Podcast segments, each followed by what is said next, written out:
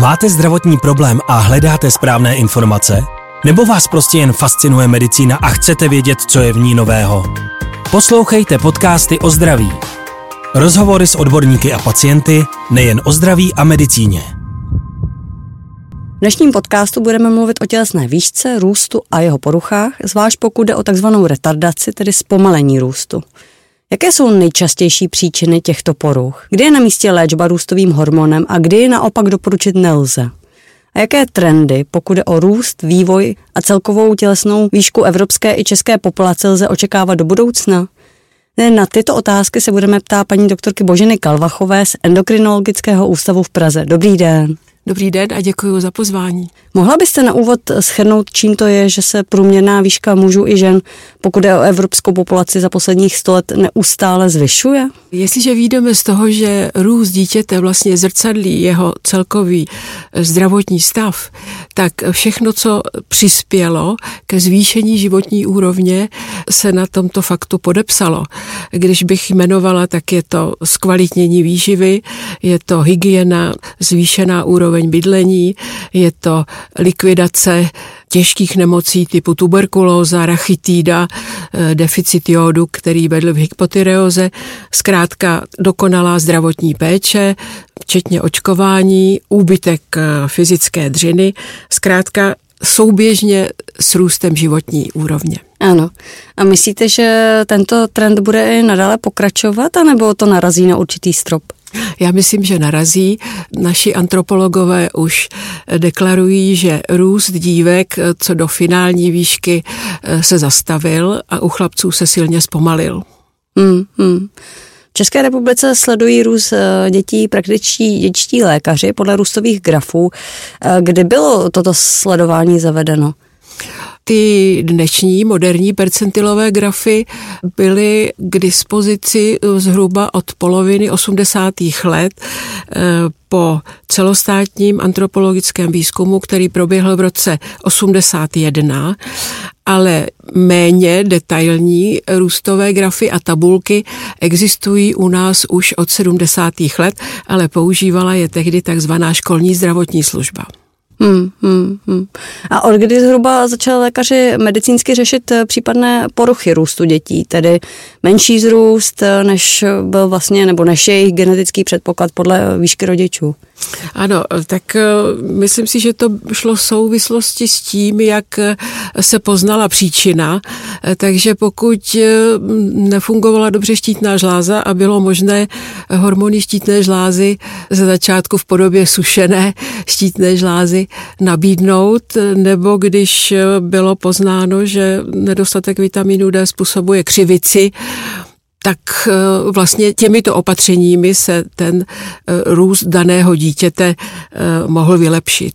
Hmm. Takže v souvislosti s poznáním, s diagnózou a tehdy existujícími léčebnými možnostmi byl ten zásah nebo pomoc možná. Hmm, a kdy to zhruba bylo? V jaký dekádě? Já si myslím, že se teď pohybujeme okolo poloviny minulého století a dál. Hmm, hmm, hmm, ano. Jaké jsou nejčastější příčiny malého zrůstu? Jak často jde o nedostatek růstového hormonu? Tak eh, já bych to vzala trošku ze široka. Ono těch příčin je víc. Už v době nitroděložním vlastně eh, se může zakotvit budoucí zpomalení růstu. Celoživotní, dalo by se říct, eh, výživa, životní styl, dostatek pohybu, ale také dostatek spánku. Potom vlastně by dítě nemělo být nemocné, nějaké závažné orgánové onemocnění onemocnění hraje roli. No a potom také dlouhotrvající stres třeba. E, a potom přicházejí jednotlivá onemocnění, například celiakie, nesnášenlivost lepku třeba, nebo nějaké autoimunitní onemocnění, nebo poruchy střevní sliznice. No a pak teprve přichází do úvahy, když se tohle všechno vyloučí, vlastně porucha na úrovni řízení a to jsou ty poruchy hormonální, hmm. včetně hmm. nedostatku růstového hormonu. Hmm. A jak je to časté? E, tak e, vyšla bych z toho, že děti léčené pro nedostatek růstového hormonu, které eviduje náš národní registr, tak eh, těch dětí v současné době je 1200. Uh-huh, uh-huh. A jak to takový rodič pozná a jak, kdy, v jaké fázi by měl spozornit? Čili eh, mluvíme-li o nedostatku růstového hormonu ano. teď, eh, tak se to pozná, pokud jde o záležitost vrozenou, tak eh, je to vlastně už po druhých narozeninách začíná to dítě v tom růstu ochabovat a ten sklon ty růstové křivky se výrazně odlišuje od normativu. Pokud je to později během života v důsledku třeba nějakého úrazu nebo třeba při nějakém, po nějakém ozáření eh, hlavy eh, nebo po nějaké infekci, třeba meningitidě, eh, no tak je to vlastně spouštěcí mechanismus a vlastně se to spožďování růstu projeví potom. Hmm. Čili otázkou je, jak často si rodiče všímají e, růstu dítěte, což si myslím, že je dost časté. No a potom jsou tady preventivní prohlídky u praktických dětských lékařů každé dva roky, takže se to zachytit dá a daří se to dobře. Mm-hmm. Pokud jde o léčbu růstovým hormonem, eh, její rozvoj nastal v 80. letech, eh, kdy se začal eh, tento hormon vyrábět uměle, takzvanou rekombinantní technologií. Jak v té době terapie probíhala? No tak ptáte se dobře, protože jsem jeden z mála pamětníků, eh, kteří tenhle ten start v uvozovkách zažili. Pracovala jsem na jednom ze dvou pracovišť v českých zemí, které tuto možnost měly, ale eh, to byla doba dosti smutná, protože dodávky a množství eh, tohohle hormonu byly nepravidelné, byly nedostačující, takže jsme museli dělat velmi nepříjemný výběr, komu ten růstový hormon dát, jak dlouho a mnohdy mm, ty rodiče přijeli i třeba z dálky a mm, růstový hormon k dispozici nebyl. A taky ta aplikace byla velmi primitivní. Mm-hmm. Podle čeho jste se rozhodovali, komu teda? E, rozhodovali jsme se podle závažnosti a podle věku, protože byla naděje, že s přibývajícími léty se ta dodávka zlepší, takže jsme volili hlavně ty děti, kterým moc času nezbývalo. Mm-hmm. A jak ta léčba probíhá dneska? Dneska je to samozřejmě něco docela jiného. Za prvé máme k dispozici vlastně identický růstový hormon bez jakýchkoliv příměsí. Je tady několik výrobců, které jsou na našem trhu, takže je dostatek eh, materiálu v úvozovkách. Technologie je velmi sofistikovaná, eh, předplněná moderní pera, která jenom klikem vlastně připraví tu požadovanou dávku, velmi tenoučké jehličky pro podkožní aplikaci, které bychom mohli připodobnit k diabetikům. Takže tohle všecko je, bych řekla, vyřešeno ale bohužel přináší to sebou i trošku stínnou stránku, zatímco eh, na začátku v těch 80. letech ti lidé byli opravdu vděční, šťastní a nelitovali třeba i zbytečných cest, vážili si toho a chápali tu situaci, tak dneska si myslím, že mnohdy u těch rodičů je patrný takový, bych řekla, pocit, že je všechno samozřejmé, že prostě ano, naše dítě na to má právo, my to prostě chceme a že bohužel se to pak projeví i tím, že si třeba rodiče, kteří mají děti ve střídavé péči, vyřizují tím, že jeden je pro, druhý je proti, nebo si vyřizují své problémy a léčbu růstovým hormonem u dítěte berou jako jakési rukojmí těch svých rozepří, a nebo si nepamatují, co dítě bere, nebo prostě nechají třeba i ten růstový hormon projít. Takže hmm. Vidím tady prostě takovou konzumní, konzumní přístup, a protože zdravotní pojišťovny všechno hradí, ti lidé na to vlastně ničím nepřispívají, mm, mm. tak eh, tady je něco špatně v mm. tom přístupu. A myslíte tím, že žádají tuto léčbu i ti, kteří na ní z nějakého zdravotního důvodu nárok nemají? Ano, je pravda, řekněme si, že růst nebo vzrůst jedince eh, hraje ve společenském uplatnění svoji roli a také mnohdy všelijací trenéři nebo další osoby ještě k tomu přistupují.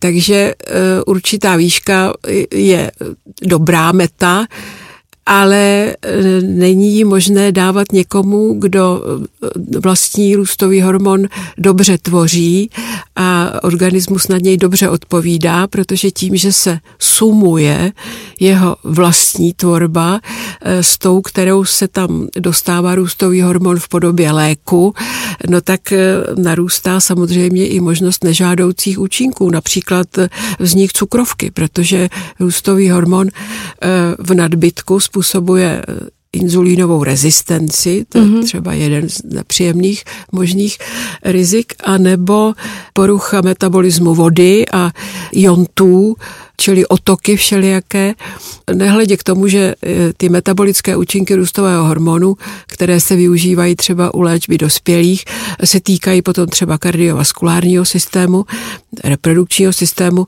takže rozhodně není možné podávat růstový hormon zdravým, vlastně to potom eh, už je na úrovni dopingu. Že?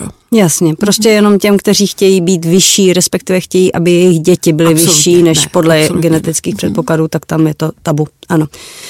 A pokud jde o ty skutečně zdravotně potřebné, tak máte pocit, že se tedy, vy už jste to z části řekla, že ano, jsou ty prohlídky pravidelné u praktického dětského lékaře a tak podobně, ale máte pocit, že se to téměř vždy, teda e, nějaké zpomalení růstu kvůli nedostatku růstovému hormonu daří zachytit včas? Jsou v tomhle ohledu, myslíte, dostatečně pozorní jak rodiče, tak ti praktičtí dětští lékaři? Eh, já bych řekla, že ano. Tady v této oblasti eh, nedostatku růstového hormonu, jak jsme říkali, který se projeví poměrně svižně na té růstové křivce, tak tam si myslím, že pozornost jak rodičů, tak praktických dětských lékařů je opravdu velká a myslím si, že řada praktiků nám posílá děti, které jsou tak na hraně, s tím, že jenom chtějí mít jistotu, eh, že se něco nepřehlédlo takže v tomhle smyslu si myslím, že je všechno dobře zabezpečené a že snad nějaký únik by mohl nastat jedině tím, že by se změnil praktický dětský lékař nebo prostě by unikla nějaká, nějaký mírnější deficit, protože on deficit to znamená, že chybí, ale jsou také částečné deficity, e, kdy chybí jenom z části, e, takže to by snad mohlo uniknout během toho dvouletého intervalu, ale při té prohlídce následné by se na to pravděpodobně přišlo. V poslední době se um, také často mluví o takzvané překotné pubertě, tedy že dítě dospívá předčasně a tím se i dříve zastaví jeho růst.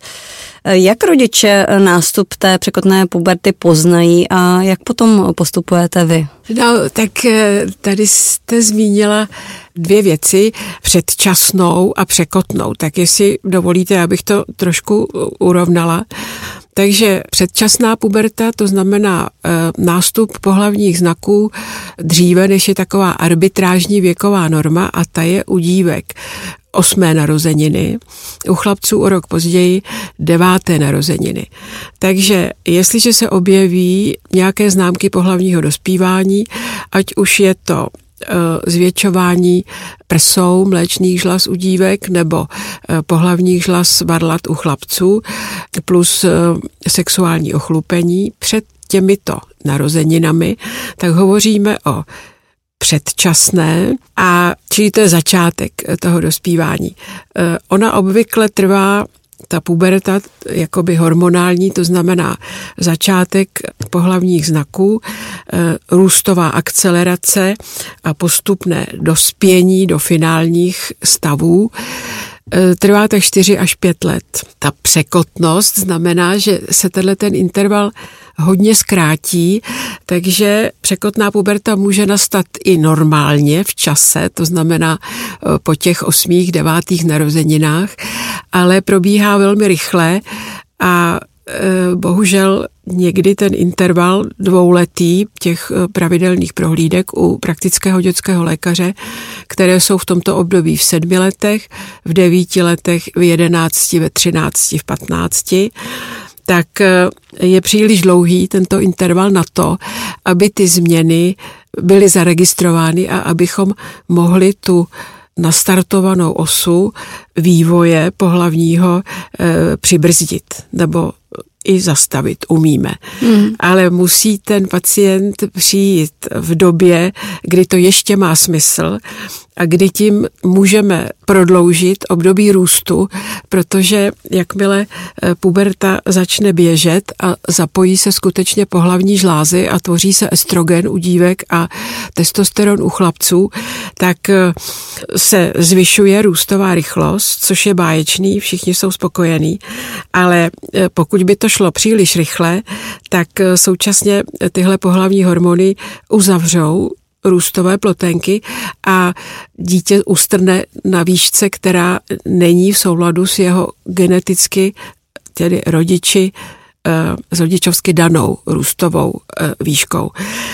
Takže eh, je to jako období, kdy endokrinolog může pomoct, ale musí se přijít včas a léčba musí být také zavedena včas, ale tady je právě problém, protože ne vždycky si toho rodiče všimnou. Hmm. Zvlášť, když je to třeba v zimě a hmm. e, pubertáci, jak víme, e, nosí volné svetry, hlavně, aby nebylo nikde nic vidět, volné mikiny, že jo, a nějaké společné koupání nebo něco podobného, nebo prostě tak jako dřív v dětství v koupelně se zavírají, že jo, či ten rodič to vůbec nemusí vědět. A takové případy skutečně máme a potom vlastně už nelze nic dělat, protože ten růst je zastaven tím, že se uzavřou kostní růstové štěrbiny. Ano.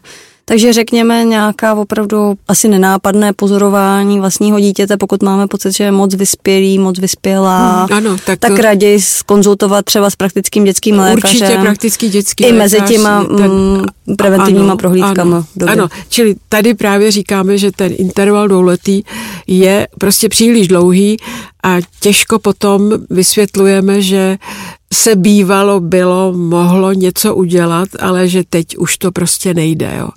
Takže tady si myslím, že je potřeba zvýšit zdravotní informovanost a uvědomění veřejnosti na více, bych řekla, úrovních, včetně těch dospívajících, aby věděli, čili ideální jsou třeba webové stránky, které vím, že existují a kde je možné se dozvědět nebo zeptat. Jo. Mm, řeknete konkrétně název těch e, Třeba www růst dítěte nebo www růstový hormon. Ano. A nebo i na Google, když si dáme růst dítěte nebo výpočet výšky, tak eh, tam určitě nějaké informace budou. Hmm, hmm. Tady asi by se ještě slušelo dodat, že vlastně růst dívek se zpravidla zastaví eh, pravidelnou menstruací, je to tak, a růst chlapců je pravidelným vlastně... Um... Když se začnou holit. Ano, ano. ano, ano, ano. Přesně, to je velmi důležité, protože to si myslím, že také není jakoby v rodičovské populaci úplně známé, že eh, když dívka začne menstruovat a ty cykly jdou opravdu pravidelně a to krvácení je plnohodnotné, takže růst je prakticky zastaven. To už je potom jenom zbytkový páteřní růst, který se týká několika milimetrů, maximálně centimetrů. Že? A u chlapců máme na mysli plnohodnotné holení, nikoli v takový ty knírky, to je ještě brzo. Ano, ano. Takových eh, případů je tedy v poslední době eh, více. Dokážete to nějak kvantifikovat a eh, čím myslíte, že to je? Bohužel tyhle ty situace nastávají poměrně často, tak já bych nejdřív zmínila tu situaci, u které se to dá čekat. A je to skupina dětí, kterým říkáme děti odpuste mi ten výraz, váhově a růstově podměrečné vzhledem k délce těhotenství. Oni mají speciální uh, anglický název SGA, Small for Gestational Age, čili děti malé vzhledem k délce těhotenství, čili nejsou to děti nedonošené. A tyhle děti eh, z nějakých důvodů strádaly během nitroděložního vývoje energeticky a narodí se tedy podměrečné, ale většina z nich to všechno potom, když dobře jedí a prospívají, všechno dožene. Asi 15% ale nikoliv a to jsou kandidáty léčby růstovým hormonem. Takže to je v pohodě. Ale většina těchto dětí eh, si v sobě nese určitý eh, možný problém právě na ose pohlavního dospívání ty právě musíme sledovat bedlivěji, protože asi z 50% u nich může nastat předčasná nebo překotná puberta. Tak to je jedna skupina. Ale horší Ale o je těch, to... pardon, o těch Ano. ty rodiče zpravidla vědí. O těch ty rodiče by měli vědět, praktici ano. o nich vědí a e, jsou běžně léčené růstovým Ano. hormonem a sledované. Ano. Ale co je nejhorší, že to, co jsme na začátku řekli, že ta civilizace přinesla spoustu blahodárného pro jaksi e, růst a vývoj, tak e, bohužel sebou nese také nežádoucí dopady a e, to v podobě takzvaných endokrinních disruptorů, což jsou v překladu znečišťovače nebo rozvračeči zaběhaných pořádků.